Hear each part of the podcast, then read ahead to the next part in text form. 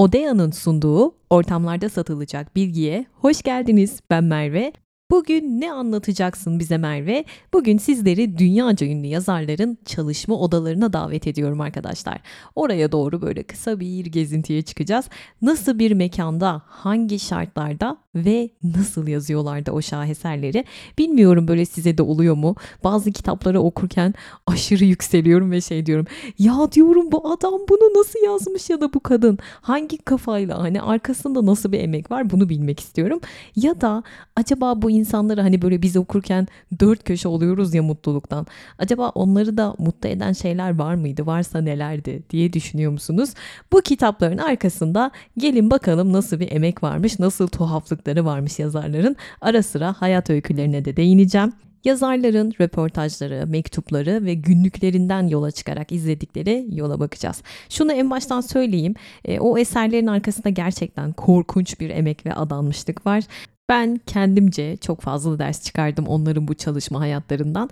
Bakalım bu podcast bitince siz nasıl hissedeceksiniz kitap kurtları? Hadi Balzac'la başlayalım. Balzac deyince tabii ki ilk aklımıza gelen eseri Vadideki Zambak yani benim o geliyor. Yazar olmaya teşebbüs ettiğinde henüz 20 yaşında aslında babası onun hukuk alanında bir kariyer yapmasını istiyor. Daha doğrusu öyle bir planı var oğlu için ama oğlu bütün planları bozuyor. Hayır diyor ben yazar olmak istiyorum. Babası da tabii ki oğlum hemen olabilirsin.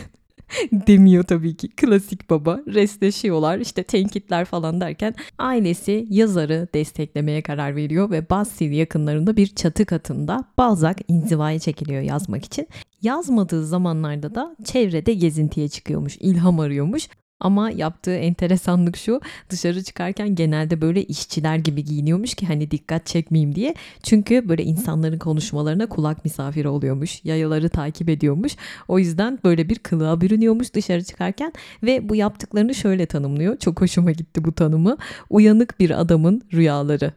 Geçenlerde hatırlarsanız başarısızlık üzerine bir bölüm yapmıştım. Çok da sevmiştiniz. Bazılarının başarısızlıktan doğan bir başarı hikayesi vardı. Onu anlatmadım o bölümde. Bu bölüme sakladım. Yılan Merve. Hani dedim ya az önce bir çatı katına taşınmıştı sırf yazabilmek için diye. Tam iki sene boyunca babasının maddi desteğiyle burada yaşıyor ve Cromwell adlı bir tiyatro eseri yazmaya çalışıyor. Ve bütün şöhretini, bütün başarısını bu eserine endekslemiş. Yani gece gündüz çalışıyor. O kadar inanmış ki bu eserinin çok iyi olduğuna ve tutacağına. Peki sonra ne olmuş Merve? Beğenilmemiş, çok kötü eleştiriler almış. Ya düşünsenize iki sene boyunca sürekli kahve içiyorsunuz, yumurta yiyorsunuz. Genelde beslenmesi bu şekilde. E, anneniz babanız sizden böyle umutla bir şeyler bekliyorlar. Oğlum iyi bir yazar olacak diye bekliyorlar belki. Gece saat 10'da yatıyorsunuz, gece saat 2'de kalkıyorsunuz. Sadece 4 saatlik bir uykuyla yazmaya çalışıyorsunuz her gün. Ve sonuç iki senenin sonunda başarısız oluyorsunuz, korkunç eleştiriler alıyorsunuz. Ne yapardınız? Çoğumuzun Balzac gibi böyle istikrarla, yılmadan yine o yola devam etmeyeceği kesin arkadaşlar. Ha bir de unutmadan bu eserini gözden geçiren bir profesör var ve ona diyor ki yani direkt yüzüne söylememiş ama kız kardeşine bunu iletmiş. Yazar demiş Balzac için sevdiği her şeyi yapmalı, edebiyat yapmamalı. Yani sen edebiyat yapma kardeş demiş Balzac. Keşke Balzac'ın hikayesinin sonunu görseydi o profesör. Bir de en yakınları, kardeşleri var onunla alay eden üvey kardeşleri evlerden ırak. Balzac diyor ki bir gün işte göreceksiniz diyor bir gün benden çok büyük bir adamdan bahseder gibi bahsedecekler diyor kardeşlerine. Kardeşleri de diyor ki selam sana büyük Balzac. Adamı resmen tiye almışlar ya herkes alay etmiş, eleştirmiş bir de üstüne bunlar. Ve vadideki zambakta şöyle bir söz geçer. Beni yargılayanlar nasıl bir çaba harcadığımı bilselerdi bana böyle karşı çıkacakları yerde gözyaşlarımı silerlerdi demiş. Bu satırları neden yazdığı bence artık aşikar. Balzac bir de çok uykunun zihni bozduğunu düşünen birisi. Yani insanı miskinleştirdiğini düşünüyor çok uykunun. Ben de aynı görüşteyim. Ve sadece birkaç saat uyuyor. Dediğim gibi gece 10 ile 2 arası uyuyor. Geri kalan saatlerde de uyanık. Ve zaten daha önce size günde 50 fincan kahve içtiğini anlatmıştım. Kahve nedir bölümünde. Güçlü Türk karışımlarını sever Balzac kahvesinde. Hatta yeri gelmişken sizlere Balzac'ın kahve tarifini vereyim.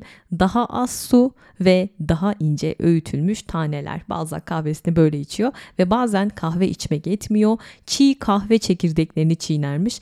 Ben bunu öğrendikten sonra gidip denedim. Gayet güzel oluyor. Her şeyi de denemesem çatlarım. daha kötü şeyler yapmamış iyi ki. Ve bu zaten çok bilinen bir hikayedir. Hani Balzac ve kahve ikilisi. Ben size daha enteresan bir şey anlatayım. Balzac çalışırken rahip kıyafeti giyiyormuş. Yani yazılarını yazarken Evde tek başına böyle geziyor. Uzun beyaz bir kumaş, ipek astarlı kuşağı var. E, kuşağını bağlıyor. Kafasına da siyah bir takke takıyormuş. Yazılarını yazarken böyle takılıyor. Nedenini bilmiyorum ama bence çok garip. Şimdi Balzac'ın eserlerini okuyacaklar. Kafasında böyle bir Balzac canlanacak. Rahip kıyafeti giymiş. İşte 50 fincan kahve tüketiyor. Ve bazen matbaacısı arkadaşlar bence sinir krizi geçiriyordur. Çünkü o yazılarını düzeltme hastası. Yani kısacık öyküsünün bile 17 defa prova baskıya gittiği söylenir. E zaten matbaacılar artık önlem almışlar ve işçilere diyorlarmış ki bazen düzeltileri üzerinde bir saatten fazla zaman harcamayacaksınız diye önlem almışlar. Zaten sevgilisine yazdığı bir mektup var. E, o sıralar işte Köy Doktoru diye bir eseri var ya ona hazırlanıyor. Şöyle demiş sevgilisine yazı nöbeti geçiriyorum demiş. Çok güzel ya yazı nöbeti geçiriyorum. Ve bunun hakkında sadece övgü dolu sözler söyleyebilirim. Bittiğinde ise yalnızca hatalarını gören bir adamın çaresizliğinin mektubu ulaşacak eline demiş. Bence biz de bazen Balzac gibiyiz öyle hissediyorum. Hatalarımızı görmekten önümüzü göremiyoruz. Hani bir podcast'te demiştim ya senin beni eleştirmene gerek yok. Ben zaten hunharca kendimi eleştiriyorum diye. Balzac da öyle işte. Bu arada geçen e, bir kafe paylaşmıştım size Instagram'da. Paris'te tarihi bir kafeydi burası.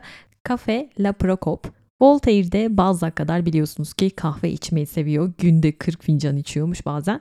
Bu kafe hem Voltaire'in hem Balzac'ın hem de Benjamin Franklin'in müdavimi olduğu mekanlardan biri belki Paris'te bir gece yarısı filmindeki gibi hani orada bir kafe vardı ya oradaki olaylar gibi bir şeyler yaşamayız ama hani olur da yolumuz Paris'e düşerse bilin istedim o ruhu hissetmek isteyenler bu mekana gidebilir. Ben gidilecekler listeme ekledim burayı. Merve'nin de dolardan eurodan haberi yok. Merve hep 50 liralık benzin alıyor. Öyle demeyin ya. Hayal de mi kurmayalım arkadaş? Hayal kurmak bedava en azından şimdilik. Ya bu aralar nereye gitsem tabii ki enflasyon konuşuluyor. Market sıralarında bile duyuyoruz. Paramızı enflasyondan nasıl koruruz? Nasıl birikim yaparız? Birikimlerimizi nasıl değerlendiririz? Herkes bunları konuşuyor. Hatta geçen arkadaşımla sohbet ediyoruz. Konu döndü dolaştı yine oraya geldi. Geleceğimize yatırım yapma fikri bence sizin de kafanızı çok meşgul ediyor benim kadar. E, bir de çok fazla yatırım çeşidi var. Çok alternatif var. Ne yapacağımızı şaşırıyoruz. Birine yatırım yapsak diğerini kaçırıyormuş gibi hissediyoruz. Hani fırsatları kaçırmak, FOMO bölümünde bundan bahsetmiştim. O zaman sizi bu dertten kurtaracak yatırım odaklı bankacılık uygulaması Odea ile tanıştırayım. Avantajlı faiz oranlarıyla paranızı mevduatta değerlendirebileceğiniz gibi hisse senedinden dövize, yatırım fonlarından emtiaya kadar farklı ürünler arasından çeşitlilik sağlayabiliyorsunuz. Merve ne diyorsun ya ben hiçbir şey anlamadım diyenler endişeye mahal yok sakin olalım. Odea uygulamasının içerisinde Akademi O var arkadaşlar. Ne var Akademi O'nun içerisinde? Bu konuları anlatan uzmanların videoları ve makaleleri var ve zaten yakında çok değerli ekonomistlerimizi ağırlayacakları bir podcast serisi geliyor. Merve Odaya'da nasıl hesap açacağız? Çok kolay. Uygulamayı indiriyorsunuz. Sizden istenen bilgileri böyle hızlıca tamamlayıp kimlik doğrulama, yüz tanıma ve görüntülü görüşme adımlarıyla hemen kolayca hesap açabiliyorsunuz. Yani kısaca Odea ile yatırımın merkezinde biz varız. Kitaplarla kendimize zaten büyük bir yatırım yapıyoruz. Odea ile de geleceğimize yatırımını, birikimini ve geleceğini yönetmek isteyenleri açıklamalardaki linke davet ediyorum. Sırada Alexander Duma var. Duma da kim demeyin çünkü herkes Dumas diyor. yani benim de öyle diyesim geliyor kimse kusura bakmasın. Diyor ki kural olarak bir kitaba bitene kadar başlamam. Ne demek istiyor? Ne yazdığını, yazısının nereye gideceğini çok önceden belirleyen bir yazar. Tam bir kontrol freak. Üç silahşörler ve Monte Cristo kontu eserleriyle döneme damgasını vurmuş isimlerden. Yani 19. yüzyılın ikinci yarısına çok üretken bir yazar ve yazı yazmak için 3 renk kağıt kullanıyor. Şiirlerini sarı kağıda, Makalelerini pembe ve romanlarını da maviye yazıyormuş. Hızıyla da ünlü bayağı hatta bir keresinde dostlarıyla bir iddiaya giriyor. Maison Rouge Şövalyesi eserinin ilk cildini sadece ve sadece 3 günde yazmıştır. Hatta son teslim tarihinden birkaç saat önce de teslim etmeyi başarmıştır ve bahsi kazanmıştır. İşinin sırrı zaten en başta dediğim gibi kitabı önce kafasında yazıyor ve yazarlıktan elde etmiş olduğu zenginlikle Port Marley kasabasında kendisine bir konak yaptırıyor.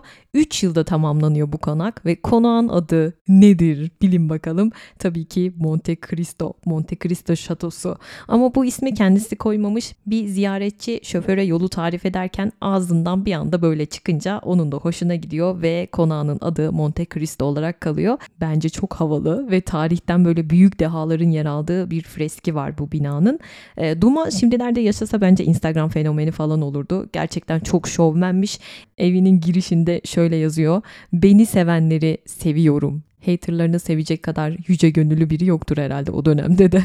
Bir de evinin arazisinde böyle akbabalar, tavus kuşları, maymunlar falan var. Onları besliyor. Bir de bu şatosundaki çalışma odasının adı Monte Cristo kontundaki o kitaptaki hapishanenin adı İf Kalesi. Bu arada böyle bir cezaevi gerçekten de var Marsilya'da.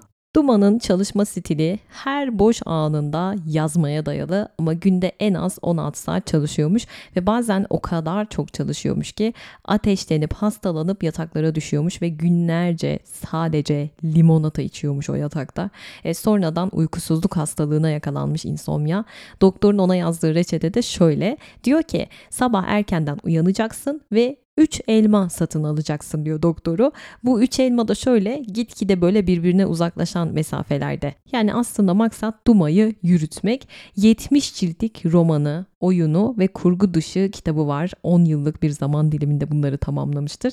Nihai eser sayısının ise 300 cildi aştığı söyleniyor. Yani o kadar üretken bir yazar ki kesin ip var ya diyenler çıkmış o dönemde. Ama şöyle de bir şey var. Evet Duma'nın hayalet yazarları var arkadaşlar gerçekten. Tarihi araştırmaları için falan destek almış. Zaten bunu çoğu yazar yapmış. Bir de parayı da seven bir yazar Duma. Şöyle bir söz ettiği söyleniyor.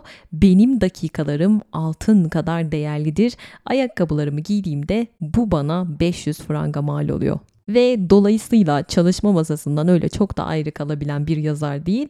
Dediğim gibi çok hızlı yazıyor. Onun kadar hızlı yazanlar Isaac Asimov var mesela. Günde 4000 kelime çok fazla. Ya da William Golding Sineklerin Tanrısı kitabının yazarıdır hatırlamışsınızdır. O da günde 3000 kelime yazıyormuş. Stephen King var günde 2000 kelime. John Steinbeck günde 3000 kelime. Yazarlar gördüğünüz gibi kendilerine böyle zorlu şartlar koyuyorlar e, günlük yazma kotası gibi. Eğer test çözerek böyle bir sınava hazırlanıyorsanız bunlar size böyle ilham verebilir diye düşündüm. Sırada Notre Dame'ın kamburu ve sefiller. Bilin bakalım kim? Victor Hugo var. Hugo'nun eşi Adele Hugo'nun şöyle bir sözü var. Diyor ki bir hapishaneye girer gibi girdi romanına. O kendi evinde bir tutsak arkadaşlar. Çünkü 28 yaşında aylarca aynı kitap üzerinde çalışıyor. Evden hiç çıkmıyor. Notre Dame'ın kamburu. Sadece yemek yemek için ve uyumak için mola veriyor.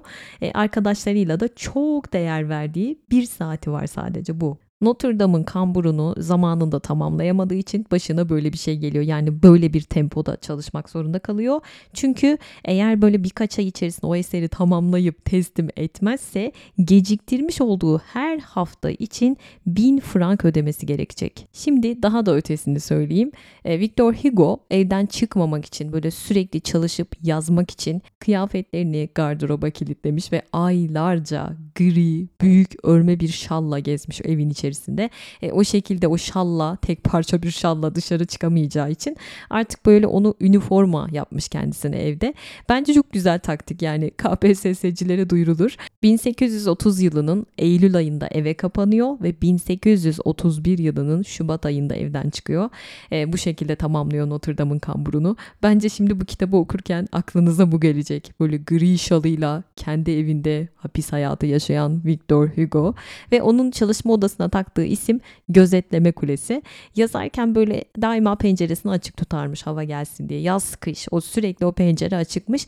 E, bir de sürekli odada volta atarmış. Bir ileri bir geri sürekli yürüyor. Çünkü normalde daima gece yürüyüşü yaparmış. Yani her gün yürümeye çalışıyor ama artık sokağa çıkamayacağı için gri şalıyla yürüyüş yapamayacağı için odasında volta atmayı tercih ediyor.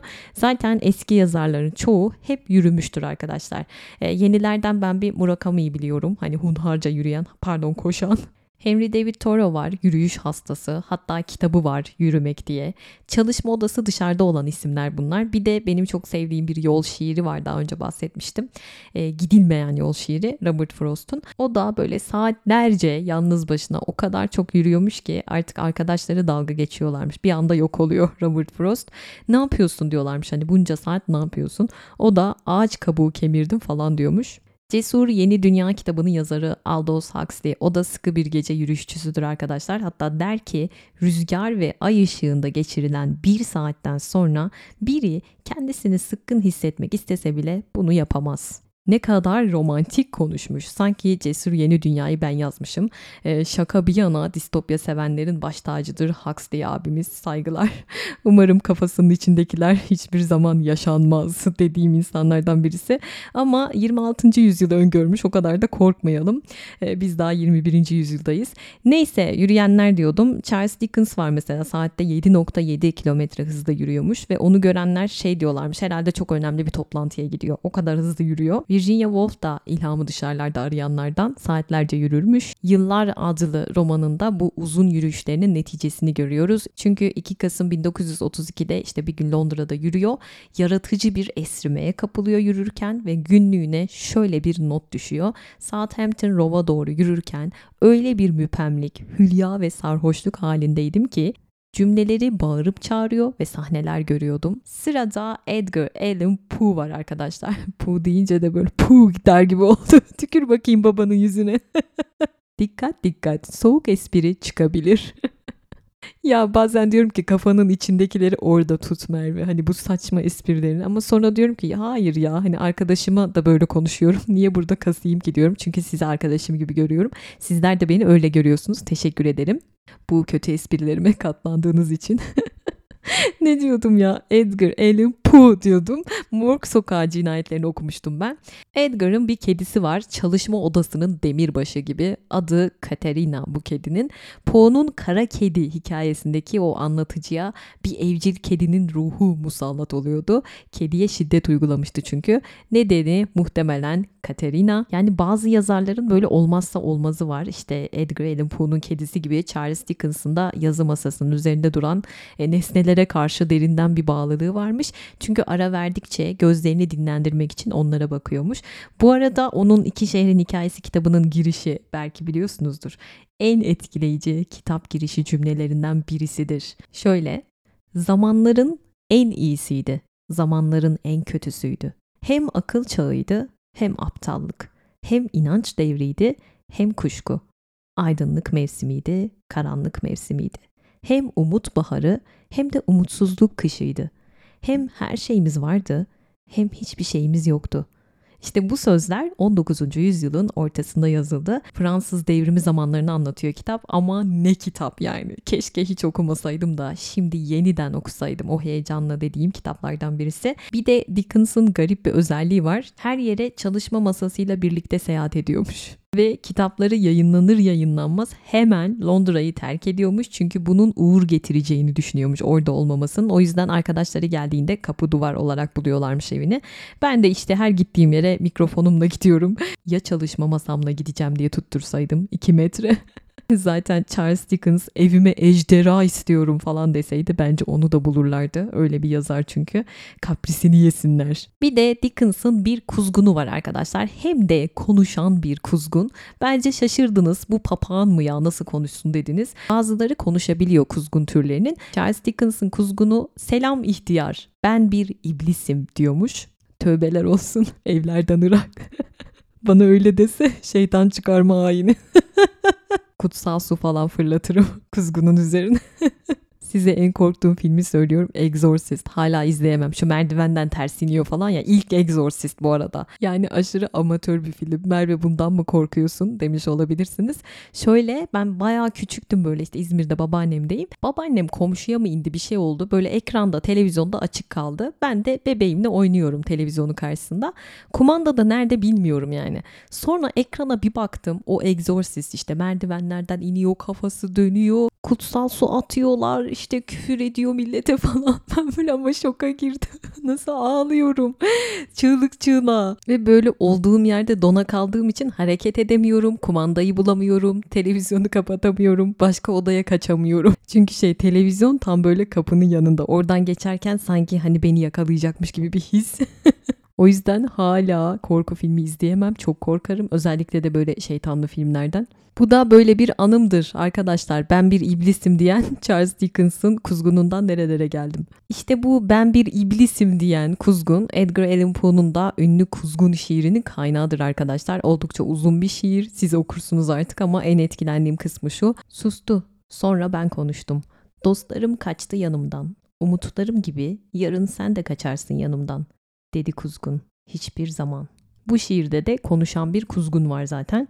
Böyle sanatçıların, yazarların tuhaf tuhaf hayvanları var. Dickens'ın kuzgunu, Lord Byron'ın ayısı, Frida'nın bir geyiği, işte Hemingway'in altı parmaklı kedisi var adı Kartopu, Charles Baudelaire'in yarasası var, Alexander Dumas'ın akbabası var adı Diyojen, Henrik Ibsen'ın akrebi var. Yani yazarlar ve sıra dışı hayvanları.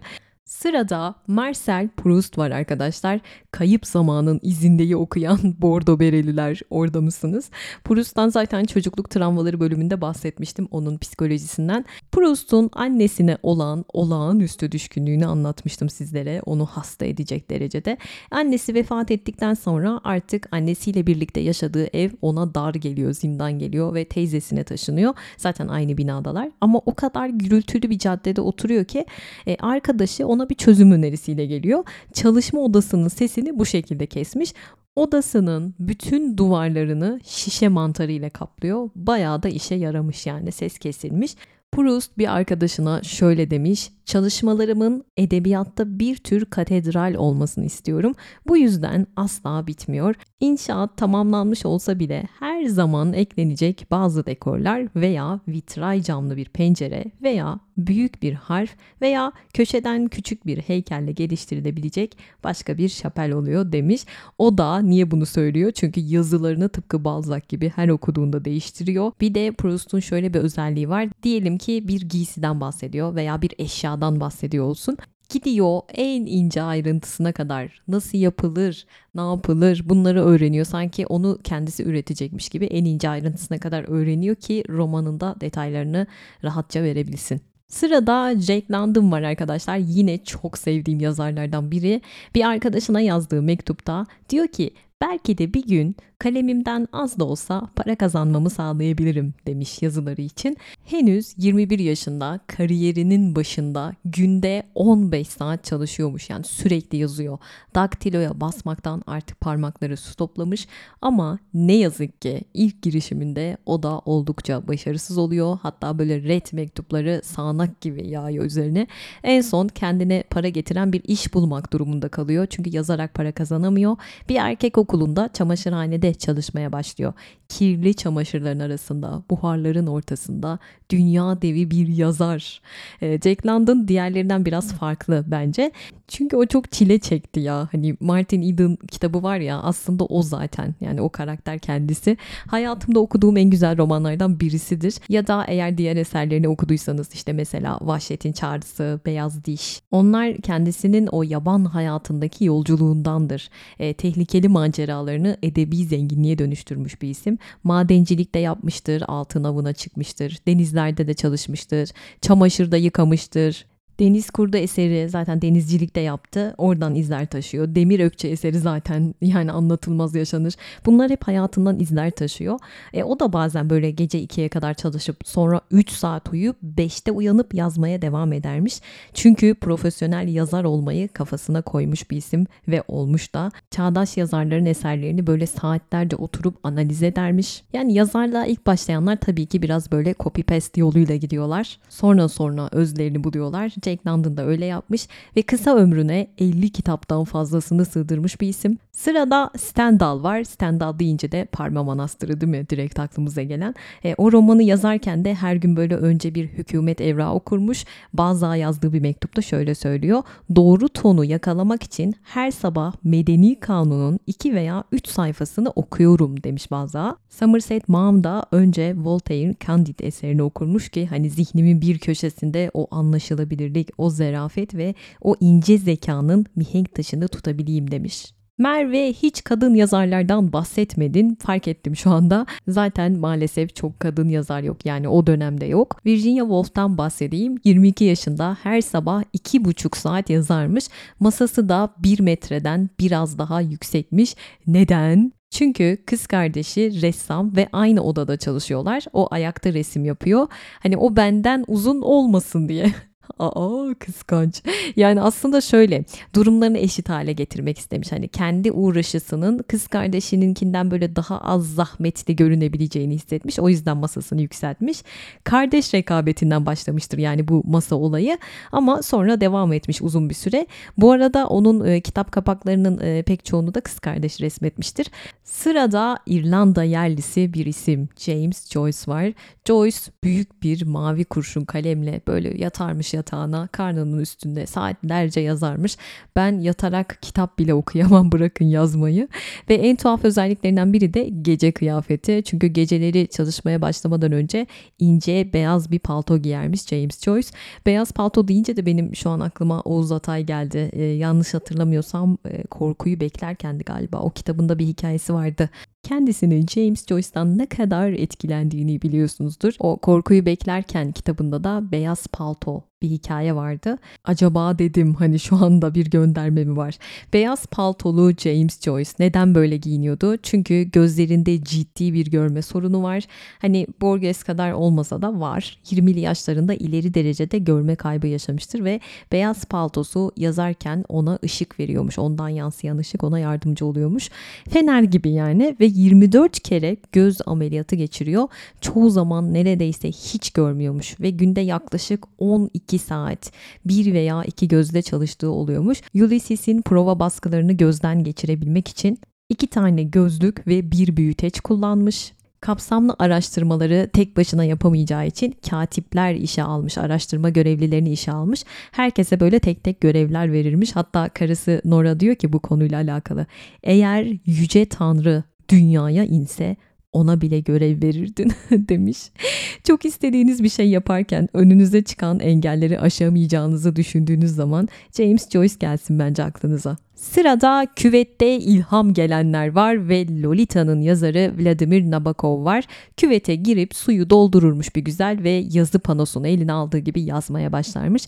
Playboy'a vermiş olduğu bir röportaj var. Orada yazara şu soruyu yönlendiriyorlar. Esas zaafınız nedir bir yazar olarak? Böyle bir soru geliyor. O da diyor ki lanet olası her cümleyi küvetimde, zihnimde, masamda yazmadığım sürece kendimi herhangi bir dilde düzgün bir şekilde ifade edememek demiş. Benjamin Franklin de bakır küvetindeki sıcak suya gömülerek böyle buharlar yükselirken o sıcak sudan okuyup yazmayı çok severmiş. Bir de her sabah uyanır uyanmaz Benjamin Franklin çırılçıplak soyunurmuş ve bir saat o şekilde çalışırmış. Kafka da hatırlıyorsanız bunu yapıyordu. Camları açıp böyle çıplak bir şekilde takılıyordu anlatmıştım Kafka bölümünde. Agatha Christie ise köşkü Greenway House'u yenilerken mimara diyor ki çok büyük bir küvet istiyorum. Bir de çıkıntı gerek o küvetin yanına. Çünkü elma yemek istiyorum demiş. Mimarın o andaki yüz ifadesini çok merak ettim.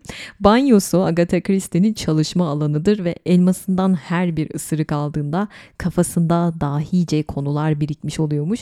Ne kadar ilerlediğini ise küvetin kenarına koymuş olduğu elma çekirdeklerinin miktarından anlarmış Agatha Christie. İşte bazılarına ilham küvette geliyor. Biz Türklere ise nerede geldiğini biliyorsunuz. ya geçen biri bana şey demiş. Hala gülüyorum. Merve seni tuvalette dinliyorum. Bu bilgiyi paylaşmana gerek yoktu. Hayır Agatha Christie gibi ilham mı geliyor onu da anlamadım. Ne alaka? Bir de şunu eklemiş. Sesin çok yankı yapıyor. Acaba hani buna bir çözüm mü bulsan? Tuvalette olduğun için olabilir mi? Umarım bunu da tuvalette dinlemiyorsundur. Sırada yazı yazmak bir kez en büyük yardımcınız ve en büyük zevkiniz haline geldi mi sadece ölüm buna son verebilir diyen Ernest Hemingway var. Hemingway'in iki kez ard arda aynı gün uçak kazası geçirdiğini biliyor muydunuz arkadaşlar? Ee, Ocak 1954'te uçak acil iniş yapıyor ve o sırada yaralanıyorlar. Sonra bindikleri uçak e, başka bir uçağa biniyorlar. O da kalkışa geçtikten birkaç saniye sonra dikine bir şekilde zemine düşüyor. Uçağın kapısı sıkışıyor ve Hemingway kafa atarak kapıyı kırmış ve içeride zaten yangın çıkmış. Her yer böyle duman altı. Görevimiz tehlikeyi anlatmıyorum Hemingway'in yaşadıkları. Yani omurgası zarar görmüş bu olaydan sonra ve o günden sonra zaten artık oturarak yazmakta çok zorlanıyor. Ayakta yazmaya başlıyor. Ama kazadan önce de ara sıra ayakta yazıyormuş. Hatta bir mektubunda şöyle demiş. Yazmak ve seyahat insanın zihnini değilse de poposunu genişletiyor demiş. Ben ayakta yazmayı seviyorum demiş. O da işte böyle sabah erken uyanıyor, öğlene kadar yazıyor. Sabah saatlerinin insanı. 7 numara iki kalemi eskitmek iyi bir iş gününün eseridir der Hemingway.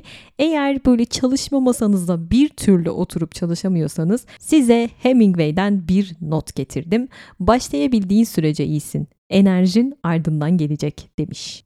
Goethe'ye göre kendisi ve Friedrich Schiller yazma alışkanlıklarına kadar her konuda birbirlerinin tam zıttılar ama çok da iyi arkadaşlar.